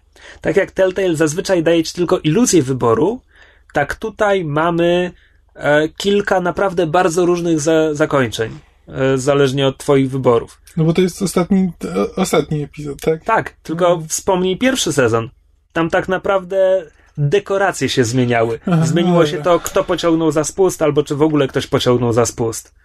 To było wszystko, co się zmieniło yy, w zakończeniu pierwszego sezonu, a tutaj naprawdę ja widziałem dwa zakończenia, ponieważ zazwyczaj tego nie robię, zazwyczaj się nie cofam w Telltale'u, e, ale w grach Telltale'a, e, ale skończyłem grę, wyłączyłem grę, przeczytałem recenzję PC Gamera i tam właśnie zaskoczony autor pisał, kurczę, nie spodziewałem się, że to inne zakończenie będzie aż tak odmienne, a przy okazji jest dużo lepsze. E, więc cofnąłem się, zobaczyłem drugie zakończenie, faktycznie ma dużo więcej sensu i jakby i epizod, i jakby cały sezon mm, podsumowuje. Tylko już kiedyś o tym mówiłeś, że, e, że czasami masz wrażenie, że e, są dobre wybory, które Telltale przewidział i wtedy gra jest fajna, a są te wybory, gdzie ty podejmujesz jakąś decyzję, a po czym gra cię próbuje wprowadzić z powrotem na te tory, na które byś wszedł, podejmując tę właściwą decyzję. E, tak, a propos, e, ta decyzja, co, o której miałem tyle zastrzeżeń przy poprzednim epizodzie, to nie zostaje naprostowane. Tam po prostu gra, gra stwierdza, nie, zrobiłeś coś innego i, i poniesiesz za to cenę. Okej. Także to, to im bardzo nie wyszło. E, tutaj jest już potwierdzony trzeci sezon Walking Dead, tylko ja nie widzę, jak to mogłaby być kontynuacja tej historii. Oj, chyba, że tam dadzą kolejny przeskok, wiesz, kolejny rok do przodu, ale i tak musieliby bardzo dużo się wycofywać z tego, bo to są diametralnie różne zakończenia. Naprawdę bardzo różne. E, I po prostu załatanie tego był, wydaje mi się, że byłoby zbyt trudne. Więc pewnie będziemy grać jakąś trzecioplanową postacią, która cudem przeżyła ten sezon. E, w każdym razie to był zdecydowanie słabszy sezon od pierwszego. Wciąż warto zagrać. No, znaczy, ujmę to tak. Jeśli ktoś w ogóle nie, nie grał w Walking Dead, to jak najbardziej pierwszy sezon myślę, że obaj możemy polecić, bo to było szarp, szarpało za serce i to było ten, manipulacja emocjami gracza i to bardzo ten, bardzo chamska, ale bardzo skuteczna i, i przez to gra była bardzo dobra. To nie dorasta do, do tego poziomu, ale w dalszym ciągu są tu bardzo dobre momenty, które warto poznać. Ale z tych dwóch gier, które Telltale zaoferował w tym roku, Wolf Among Us był ogólnie lepszy. Może też jako po prostu, że ciekawszy jako odmiana. Być może. E, Ja w tym tygodniu e, raczej niewiele się popkulturowałam, ale od e, paru dni pracowicie przedzieram się przez książkę. Nie chcę w ten sposób sugerować, że książka jest zła, tylko po prostu nie bardzo mam kiedy do niej siadać. Książkę przez zupełny przypadek przydybałam gdzieś, nie wiem, na Empiku, szukając jakichś tanek, tanich książek w promocji. I kupiłam ją w oryginale, bo jednak jakby wygodniej mi się czyta, mniejsza szansa, że trafię na jakieś fatalne polskie tłumaczenie, które mnie strasznie do książki zniechęci, jak było na przykład przy e, książce Feed Miry Grant. Książka, którą też czytam, nosi tytuł Fever. Autorka nazywa się Mary Beth Keane. Przynajmniej tak myślę, że się czyta. Napisane jest Keane. No tak. No raczej. Tak się czyta przynajmniej zespół. No właśnie, tym się sugerowałam. E, I książkę kupiłam tylko i wyłącznie z innego powodu, mianowicie znaczy, tego, o czym jest. Zazwyczaj z tego powodu kupuje się książki, ale jakby e, nie czytałam recenzji, nie doczytywałam, czy kim jest autorka, czy zna się na, na temacie, o którym pisze. E, po prostu doczytałam, że książka jest o, opowiada o tyfusowej Mary. E, nie wiem, czy wy wiecie, jaką, co, co to jest za postać Wiemy. tyfusowa Mary. Nie wiem, czy słuchacze wiedzą. E, tyfusowa Mary to jest pierwszy, to jest postać historyczna. E, pierwszy historyczny e, przypadek udokumentowania osoby zdrowej, która jest roznosicielem choroby.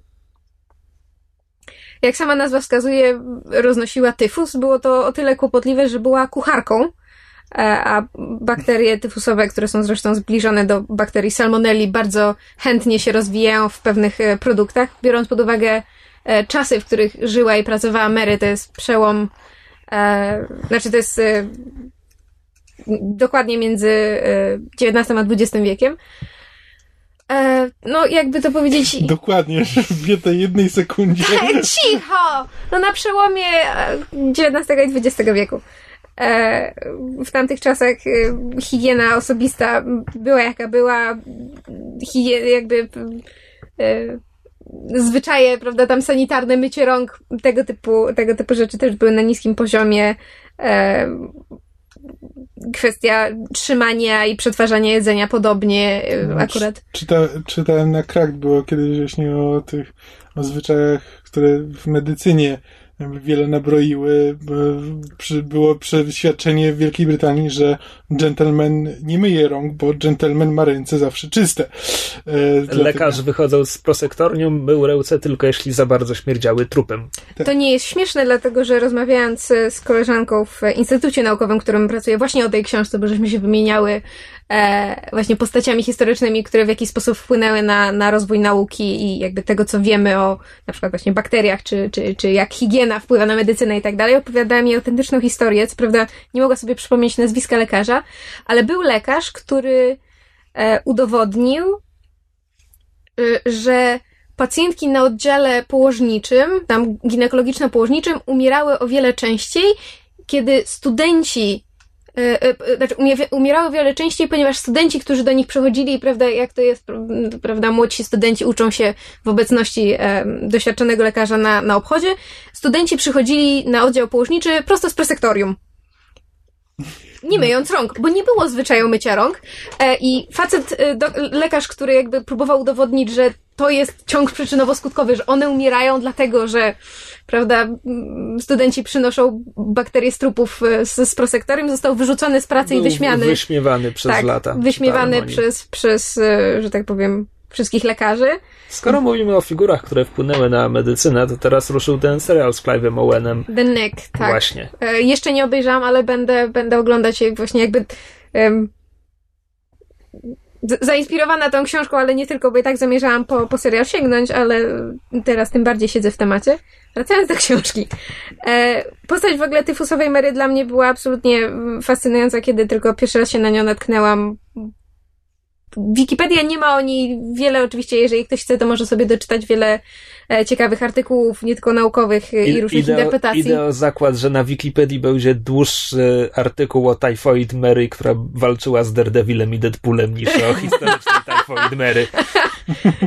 Jestem w stanie się założyć, że masz rację. Ujmy to tak, widziałem jak długi jest artykuł o kostiumie Batmana na Wikipedii. e, znaczy na polskiej Wikipedii jest bardzo niewiele, na, na anglojęzycznej oczywiście jest e, więcej. Postać ta dla mnie zawsze była fascynująca, bo nie byłam w stanie zrozumieć, jak osoba, która okej, okay, mogła nie wiedzieć od początku, że zaraża tyfusem, no bo w tamtych czasach, co zresztą bohaterka tej książki, czyli właśnie tyfusowa Mary zaznacza, że w tamtych czasach ludzie umierali na każdym kroku, nie tylko ludzie, po prostu ludzie umierali wszędzie. W, przez jedzenie, brak jedzenia, chłód, e, głód, smród, e, bakterie, choroby, wszystko. Pracę, wystarczyło, że się potknąłeś na ulicy, złamałeś nogę już koniec, trup. Kondolencje z powodu śmierci córki, milordzie. No, mam trzy zapasowe. tak, to już jakby był, był inny aspekt tego zjawiska. E, jakby jestem w stanie przyjąć, że nie zauważyła e, tego, że prawda, gdziekolwiek idzie śmierć za nią podąża, ale w momencie, kiedy e, po raz pierwszy została skonfrontowana z faktem, że jest chora, po prostu przyszli do niej lekarze i powiedzieli, słuchaj, mamy dowody, że jesteś chora, zrobiliśmy badania, jesteśmy ci w stanie pokazać drogę, prawda, w jakich miejscach pracowałaś i że w każdym z nich e, następował wybuch e, gorączki tyfusowej, przestań gotować. Ona mimo to przez lata była święcie przekonana, że oni się na nią uwzięli i jej to wmawiają, bo ona jest e, wy, wyemancypowaną kobietą, która nie ma męża i mieszka nieślubnie ze swoim partnerem, e, nie daje się tłamsić swoim e, paniom przełożonym, mimo że jest tylko biedną, służącą imigrantką z Irlandii. No po prostu przez lata nie dała sobie wytłumaczyć i uświadomić, że, że rzeczywiście roznosi tę chorobę. Girl power! Tak. Nie ufała żadnym wynikom badań, które jej przedstawiano, no bo, no, no tak, to jest w ich interesie, żeby mnie tu trzymać, oni mi robią na złość, te badania wcale nie są wymierne. E, poza tym jakby dla niej największym, e, jakby najważniejszym punktem było to, że ona nigdy nie była chora na tyfus i ona nie jest chora, jest osobą zdrową. Nie była w stanie jakby zaakceptować tego, że będąc osobą zdrową może ten tyfus roznosić. I biorąc to wszystko... Tak, a propos tyfusu, mhm. biorąc to wszystko pod uwagę, nigdy nie byłam w stanie zrozumieć, jakim cudem ona mogła po pewnym czasie wrócić do gotowania, bo ona rzeczywiście przestała na pewien czas gotować, wycofała się jakby z tego swojego um, ukochanego zawodu, a potem w pewnym momencie do tego wróciła. W szpitalu! Pracowała jako kucharka w szpitalu. E, do tego momentu w książce nie doszłam, zresztą nie wiem, czy książka e, do tego momentu dochodzi, ponieważ e, czego nie wiedziałam, rozpoczynając lekturę, książka mniej więcej w połowie zmienia punkt widzenia. Przez pierwszą połowę towarzyszymy Mary w jej właśnie, jakby to powiedzieć? Życiu. Tak i nie, bo bardzo dużo przede wszystkim na bieżąco rozwija się historia tego, tego właśnie aresztowania i, i... Właśnie chciałem zapytać, jaka to właściwie jest książka? Czy to jest obyczajówka, czy to jest dramat sądowy? To jest literatura kobieca, co nie oznacza, że jest tylko dla kobiet. To jest taka typowa obyczajówka pod tytułem właśnie, wiesz, girl power, tylko że w latach, e, prawda, wczesnych latach dwudziestych powiedzmy, bo, bo, bo już, już do takiego etapu dochodzi. E, ale mi się bardzo podoba, że, że rzeczywiście to jest książka obyczajowa w tym sensie, że ona przedstawia bardzo wiele aspektów życi, codziennego życia tamtego okresu, czyli poznajemy kolejne rodziny, w których Mary pracowała, jak wyglądało takie domostwo, co się robiło, jakie były stosunki między służbą a państwem, e, jakie były na przykład zasady wynajmowania takich kucharek, no bo one tak jak powiedzmy teraz nianie pracowały dla agencji, były wynajmowane do różnych rodzin są opisywane ulice Nowego Jorku w tamtych czasach, co też jest bardzo ciekawe, prawda? Sytuacje pod tytułem, a koń nam padł, zostawimy, muchy się zlecą, będzie gnił na środku ulicy, super! Albo, że śmieci sprzątano tylko w tych e, bogatszych dzielnicach, a wszędzie indziej to po prostu codziennie się te śmieci na, e, na ulicy spychało pod krawężniki, ugniatało i one tam sobie gniły. Więc jakby to większość elementów zawartych w tej książce e, nie tylko buduje świat, ale też dodaje jakby hmm, uwypukla historię Mary. Widać, że autorka chciała czytelnikowi um, pokazać, że, że jakby to, że właśnie Mary mówi, że wokół wszyscy umierają i że tak to wygląda, to nie jest tylko gadanie, że rzeczywiście tak to jest. Współczesny czytelnik niekoniecznie musi sobie zdawać sprawę z tego, jak, jak brudnym i śmierdzącym miastem był Nowy Jork tamtych czasów. E, natomiast rzeczywiście to, co mnie troszeczkę roz... Um, rozkojarzyło, to była ta zmiana bohatera w połowie. Z, z Mary przechodzimy na tego jej um, nieślubnego ukochanego, z którym jest od wielu lat. Konkubina? Tak, y, jej konkubent. E, zresztą też imigrant niemieckiego pochodzenia. No i tam, ponieważ to jest literatura kobieca, więc jest oczywiście e, motyw, że, że kiedy ona była biedna po, po tym, jak została aresztowana, e, to została odosobniona na wyspie e, gruźliczej na środku e, rzeki w, w, w centrum Nowego Jorku i on jej tam praktycznie nie odwiedzał, nie pisał do niej listów, a potem jeszcze na dodatek znalazł sobie inną, jak to wstrętni mężczyźni o Ezu. E, I jakby strasznie mi rozkojarzyło to, że zmieniamy bohatera i zmieniamy punkt widzenia, bo jeszcze bardziej zbaczamy w stronę te, te, te, tej stricte obyczajówki, a ja jakby nie po to po tę książkę jednak sięgnęłam. Sięgnęłam po książkę po to, żeby dowiedzieć się, kim w interpretacji bo, e, autorki była tyfusowa Mary, co stało za tym jej zachowaniem, za tym jej brakiem akceptacji własnego stanu zdrowia i tego, kim jest i, i z czym to się wiąże. I pod tym względem książka jest bardzo fajna, bo jest bardzo niejednoznaczna. Autorka rzeczywiście nie ocenia swojej e, bohaterki, czytelnik sam musi podjąć decyzję, czy przyjmuje argumenty Mary i jej tłumaczenie się i jej właściwie wymówki, czy, czy raczej właśnie traktuje to jako puste, puste słowa i, i wymówki kobiety, która wiedziała, że robi źle, a po prostu wypierała to ze swojej psychiki, żeby jej się łatwiej samo ze sobą żyło. Jest to naprawdę fajna książka. Nie jest może genialna, ale bardzo mi się podoba, że ktoś e, wziął tak tak kontrowersyjną mimo wszystko i niejednoznaczną postać historyczną i, i zrobił ją bohaterem książki obyczajowej i wplótł w to wiele bardzo fajnych elementów. I naprawdę fajnie się czyta. Nie wiem, czy zostało wydane po, po polsku. Mam, mam szczerą nadzieję. Jeżeli słuchaczy zainter- zainteresował temat i, i, chcieliby doczytać, to sprawdźcie, czy jest po polsku. Yy, naprawdę sądzę, że warto. Ja, ja czytam książkę z ogromną przyjemnością i, że tak powiem, zainspirowanie, zainspirowana nią e, zaczęłam się rozglądać po, po innych książkach właśnie tego typu na, na Goodreads. Już sobie parę podłapałam właśnie takich e, bardziej obyczajowych ujęć tematów naukowych. Nie jestem pewien, czy wymieniłaś tytuł tej książki. To była pierwsza rzecz, którą powiedziałam. Tak, okay. Fever autorki. Była to Mary Death King. ósma, dziewiąta rzecz, którą powiedziałaś, ale, ale powiedziałam. Powiedziałaś. Zazwyczaj Krzysiek mi musi wypominać, tym razem się bardzo pilnowałam, tak, tak żeby tak. podać tytuł. W pierwszych pięciu minutach okay. mówienia o książce padł tytuł i autorka. Tak. Fever Mary Beth Keane. Prawdopodobnie polski tytuł, jeżeli jest, pewnie jest Gorączka. Dobrze, to w takim razie przechodzimy Seriale do serialu. o wampirach w liczbie tak. mnogiej, bo skończyłem trzeci odcinek Angela, e, trzeci sezon Angela. Trzeci odcinek. To błędy panie, bo już mamy 90 minut. e, dalej jest dobrze.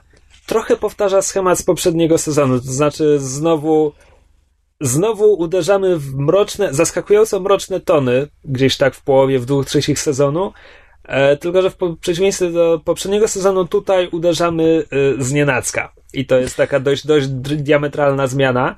E, przy okazji cały ten se serial zrobił się mroczny, to znaczy on jest zupełnie inaczej oświetlany niż, niż w pierwszym sezonie. Nie, on, on naprawdę to, to było już w drugim sezonie, ale teraz to jest bardzo widoczne, jak, jak on tonie w mrokach w każdym kadrze. E, no bo wiesz, jest mrok.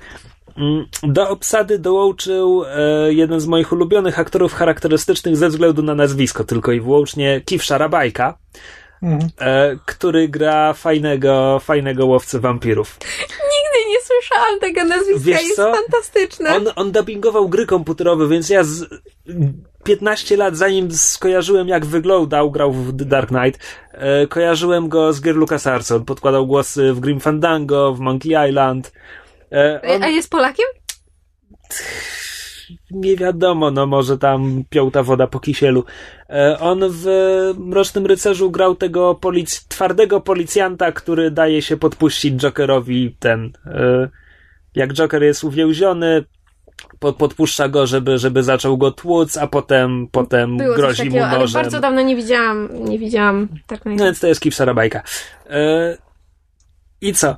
Mam jeden problem z tym sezonem, to znaczy w tym sezonie debiutuje magiczne dziecko, a ja mam alergię na magiczne dzieci. Ale masz e, chyba alergię na dzieci? Jak to? Nie, nie, wiesz co? Bo to jest taki bardzo standardowy motyw. Jeśli twoja fabuła toczy się w świecie z elementami magii, fantazy, ewentualnie science fiction, żeby były podróże w czasie, jeśli ktoś się doczeka dziecka, to tak mniej więcej masz szansę 75%, że to dziecko wpadnie w jakąś magiczną dziurę jako niemowlę, żeby wypaść z niej odcinek później jako przynajmniej nastolatek. Żeby, żebyśmy nie chrzanili się z paroletnim dzieckiem przez następne 5 lat serialu. No więc tutaj dostajemy magiczne dziecko i dokładnie to się z nim dzieje. A... No ja nie lubię tego wątku. Jest, ja, jest tak ja strasznie rozumiem. powszechny.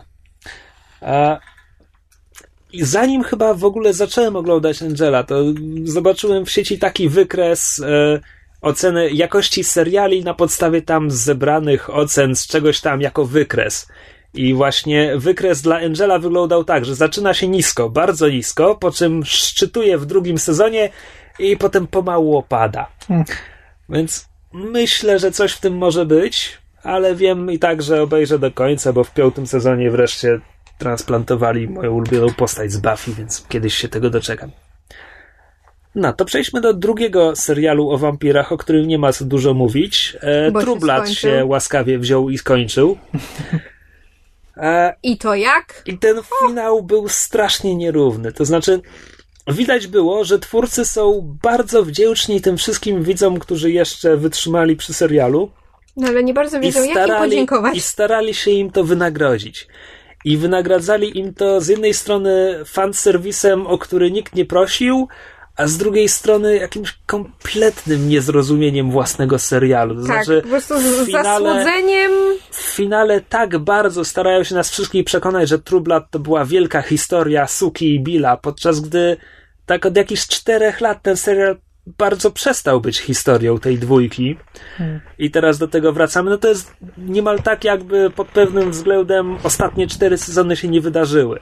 I w sumie powrót do wątku Jessica i, i Hoyta to jest kolejne, wiesz, udawanie, że ostatnie cztery Okej. sezony się nie wydarzyły. I Tak, to, bo- bo- Wrócili do tego. po- powiedzmy, Kamil nie wie. Tak, ja nie oglądałem tego, tego sezonu praktycznie w ogóle. Obejrzałem dwa pierwsze odcinki i jakoś e, straciłem zapał. Być może kiedyś to nadgonię, ale też jakoś mi nie zależy to na tym. możemy spoilerować w takim Tak, wypadku? e, nie Dobrze, przeszkadzam. więc e, Hoyt wraca do miasteczka. Bo zabili mu mamę. No, już Ale to czekaj, to w takim razie, no dobrze, ostrzeżmy też słuchaczy, że będą spoilery. Już są spoilery. E, Ho- Hoyt wraca do miasteczka e, z narzeczoną, którą rzuca, bo się z nią pokłócił o coś tam. Dzieci. Tak, dzieci. E, Potem zobaczył Jessica, rozumiem. znaczy, najpierw z- zobaczył Jessikę, potem rzu- Oczywiście rzucił nie dziewczynę. wiedząc, kto to jest, bo nie pamiętam. No tak, bo oczywiście, bo Jessica mu wymazała pamięć na jego własne życzenia. No ale widzi ją i w sumie się w niej zakochuje. Tak jakby miłość od pierwszego wejrzenia. No tak, on, on nie wie jej o tym, życie. on nie wie o tym, że, że to już drugi raz się w niej zakochuje od pierwszego wejrzenia. I w takie finale słodkie. jest i w finale jest e, shotgun wedding, to znaczy oni biorą ślub. Mhm. Oni biorą ślub z perspektywy Hoyta niecałe 24 godziny po tym, jak oni się ze sobą po drodze, Wow. ale po drodze Jessica mu wytłumaczyła, ca... opowiedziała mu ich historię. Tak, tylko że to jest. To tak naprawdę wymazuje wszystkie brzydkie rzeczy, które oni sobie nawzajem zrobili. To znaczy, oni mu mówią, że tam były brzydkie rzeczy, ale on tego nie pamięta. To jest tak niesamowicie sztuczne, podczas gdy wystarczyłoby, nie wiem, może okroić ten sezon z jednego ze strasznie wielu flashbacków z historii Billa z wojny secesyjnej. Kto nie prosił, kogo one obchodziły? Jezus Maria, ile ich było w tym sezonie? Po to, żeby na przykład, bo ja wiem, przypomnieć sobie, że Suki kiedyś potrafiła cofać ten wampirzy glamour i mogła mu zwrócić pamięć, prawdopodobnie być może? Znaczy, ona nig- nigdy dotąd nie zwróciła nikomu pamięci, ale ja dobrze pamiętam, że kiedyś była sytuacja, kiedy ona, nie wiem, była akurat z Alsaidem i Erik ich zglamurował z jakiegoś powodu i dorzucił im, że od teraz Alsaid będzie ten, będzie mu się robiło niedobrze na myśl o pocałowaniu Suki. I Suki się orientuje dosłownie w 5 sekund, patrzy na niego, coś tam robi mózgiem i to jest to, i to, i to jest koniec, i zdejmuje z niego ten glamour. I to jest, że tak powiem, w kanonie. I wystarczyło sobie o tym przypomnieć, żeby przywrócić Hojtowi pamięć i przeprowadzić jakiś autentyczny rozwój postaci na zasadzie, że oni sobie wybaczają te brzydkie rzeczy, które zrobili sobie. Nie, nie ma czegoś takiego. Zamiast tego dostajemy taki sztuczny, wymuszony fanserwis. A, no bo Bill umiera i on chce przed śmiercią zobaczyć, jak Jessica bierze ślub. No już tak. No co, jak Tak, spoilujemy, potem- to już po całości. Jak się śmiejemy, to po całości. No. Jak się kończy wielki czworokąt y, miłosny Suki, Bill, Eric, Alside? Dwóch z nich ginie, a Eryk traci zainteresowanie, Bo, bo... bo Aleksander bo- Skarsgård y, y, miał inną pracę i nie mógł być na planie tak długo, jak powinien być, żeby y, scenarzyści mogli skończyć wątek Erika w jakikolwiek satysfakcjonujący sposób. Naprawdę? Tak, Naprawdę? tak, dlatego go było tak mało i finał się kończy właściwie przy zupełnie przypadkową, bezsensowną sceną, kiedy Eric e, wrócił do punktu wyjścia, bo siedzi na swoim tronie w Fangtasia i smutno patrzy się na wywijającą się na słupie panienkę. Ale to tak kompletnie nie ma sensu, bo on i Pam są w tym momencie bilionerami. Miliarderami. Bo, bo dorobili się na nowej wersji Trublada. Aha. Więc to, że oni siedzą Tak, z, w z, lekiem na zarazę wampirzo na Hep V, bo udało im się znaleźć lek. Więc, więc to jest znowu nawiązanie. Pamiętacie pierwszy sezon? Pierwszy sezon był fajny, tylko że to tak kompletnie nie ma sensu. No i, i cały sezon się kończy e, wielkim e, happy end, pro, znaczy tym epilogiem mniej Tak, więcej ci, tak ci, jak co Harry przeżyli, Potter. ci, co przeżyli, spotykają się 4 lata później na święto dziękczynienia. Wszyscy są suki- zaciążeni albo dzieciaci. Tak, i to jest po prostu wielka, wielka pieśń na cześć prokreacji, bo tam No tak. szczęście tkwi w dzieciach. Wszyscy mają dzieci, tylko wampiry nie doczekały się dzieci. E, Swoją drogą zaskakująco duża liczba bohaterów e, kończy w parze z e, wampirami. Żeby było śmiesznie, spojrzałam, e, cofnęłam się do odcinka i spojrzałam i tak sobie obliczałam przy stole i wyszło na to, że jest chyba jedna postać, która nie ma przy stole pary i jest to biedna Willa, która została bez pary, a z jakiegoś powodu siedzi przy tym stole zamiast być z, z Ericiem i Pam. to, to, to niewiarygodne, że ją zaprosili, jeśli nie ma dzieci. E, a, i cały wielki czworobok e, miłosny kończy się tym, że Suki kończy z jakimś facetem, którego twarzy nie widzimy i jest z nim w ciąży. I super szczęśliwa. I to też jest głupie, bo ostatnia scena przed, tym, przed tymi epilogami, bo są trzy epilogi, wystaw to sobie, panie, e, czyli kiedy Jak Władca Pierścieni i Harry Potter w jednym. jak, jak już Bill z jakiegoś powodu uznał, że koniecznie musi umrzeć, chociaż lekarstwo było na wyciągnięcie rełki, No, to s- Martwiał się zrobił z siebie męczennika, bo, To- wiesz, bo to będzie dla dobra suki, jak on zginie, bo ona wtedy będzie wolna. tak, tak, tak, tak, tak. Tylko, że, Jezus Maria. tylko, że uważaj, on prosi Suki, żeby go zabiła. Tym swoim supernowa Fairy Light, co ma tylko jedno zużycie i potem będzie normalna. Bo jak ona zużyje to światło na niego, to ona się stanie normalna i przestanie przyciągać wampiry, bo wampiry ją lubią tylko przez to jej wewnętrzne fery światło. Dobra, i, i to zakończenie, to zakończenie ma dwa dobre momenty. Jed, jeden dobry moment jest wtedy, kiedy Suki mówi Billowi, żeby się wypchał, bo ona nie, nie tak. zrezygnuje z bycia wróżką, dlatego że on ją o to prosi, bo według niego tak będzie dla niej lepiej. To jest dobre. E, Po czym zabija go kołkiem. E, I druga dobra scena to jest, to jest właśnie to, ona zabija, zabija go kołkiem i, i wychodzi z tego cmentarza i to jest fajne. I to zakończenie byłoby dużo lepiej, dużo lepsze, gdybyśmy my w epilogu, nie wiem, zobaczyli, że Suki jest w kuchni i, i wychodzi do tych ludzi, ale nie widzieli tego, że jest szczęśliwa w ciąży, nie widzieli tego, że ma jakiegoś palanta, który ją, jej ten brzuch sprawił. Gdyby tylko pokazać, że, wiesz, że, że są te możliwości teraz przed nią. Ale takie wpychanie do gardła, dziewczyna jest szczęśliwa, bo, bo ktoś jej przyprawił brzuch. To było złe. Mm. Znaczy, w odcinku e, jeszcze była taka jedna w miarę fajna scena, już abstrahując od tego, jak bardzo naciągany był wątek e, ponownej miłości Jessica i Hoyta. E, jeden był fajny aspekt tego Shotgun Wedding, to był właśnie taki, że em, szeryf Andy, który przeprowadza i, i jakby ten robi za księdza w tym wypadku, prowadzi ten ich ślub, to mówi bardzo ładne zdanie, że jakby a- amerykańskie prawo i prawo stanowe nie uznaje waszego ślubu, ale w moich oczach i oczach wszystkich tu zgromadzonych wa- wasz związek jest jak najbardziej pełnoprawny. I A to, bo był serial taki, sobie przypomniał, tak. że kiedyś było o gejach. tak, drobny przebłysk, taki wiesz, tyci, malutki, ale potem totalnie wszystko olali i stwierdzili, nie, będą brzuchy, będzie słońce, będzie indyk na święto dziękczynienia, będzie zajebiście. Znaczy, mi się... Ja się nigdy nie mogłem pogodzić z tym, że True Blood stał się takim ensemble show, gdzie tam każ, każda najbardziej trzecioplanowa postać jest równie ważna co pierwszoplanowi i wszyscy dostali swoje wątki fabularne i Jezus Maria, te bzdury z Ifrytem, Iterem i retrospekcje z Afganistanu. To jest A. Co a to przecież było? A Arlene i tak skończyła z wampirem, i tak Tara i tak umarła, Ale i tak powiedziałem... Lafayette i tak wylądował z, z No wampirem, więc, no po no prostu... więc ja się nigdy to nie przekonałem, ale to powiedziawszy, ten serial mimo wszystko ładnie domyka większość tych wątków, ten sezon. Jakby ten sezon był poświęcony domykaniu tych wątków. E, wyszedł, wyszedł z tego chaotyczny, zły sezon, gdzie zaczyna się apokaliptycznie, bo mamy szalone wampiry chore na Hebwi, o których potem zapominamy kompletnie. E, Zresztą e, wampiry zaczynają szaleć, kiedy wejdą w to trzecie stadium Hebwi czy coś tam.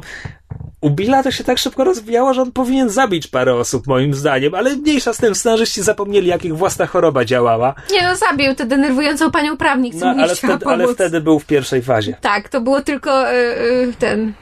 y, frustracja, zwykła To frustracja. była tylko frustracja.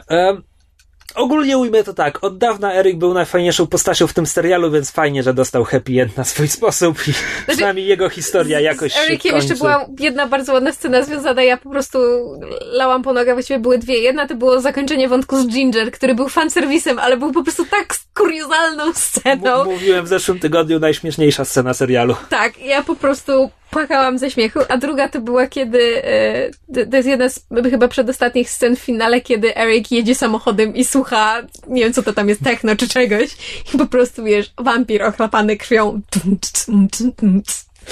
Tak. No, ale absolutnie kijowy finał dla mnie to było, mówię, jak, jak Władca Pierścieni z Harrym Potterem, epilog pod tytułem i wszyscy żyli długo i szczęśliwie i jakoś tak mam, mam trochę wrażenie jak po finale Doktora House'a, że nie warto było czekać i powinnam była skończyć po jakimś czwartym sezonie, trzecim nawet. To Mówisz o dublazie? Ja się chyba nie będę męczył z tymi ostatnimi ośmioma odcinkami. Są tam pewne dobre sceny, ale nie, jeśli nie masz na pełno, to kompletnie nie ma po co. Karolina Wydra miała ładne wyjście z serialu. znaczy głupie, ale...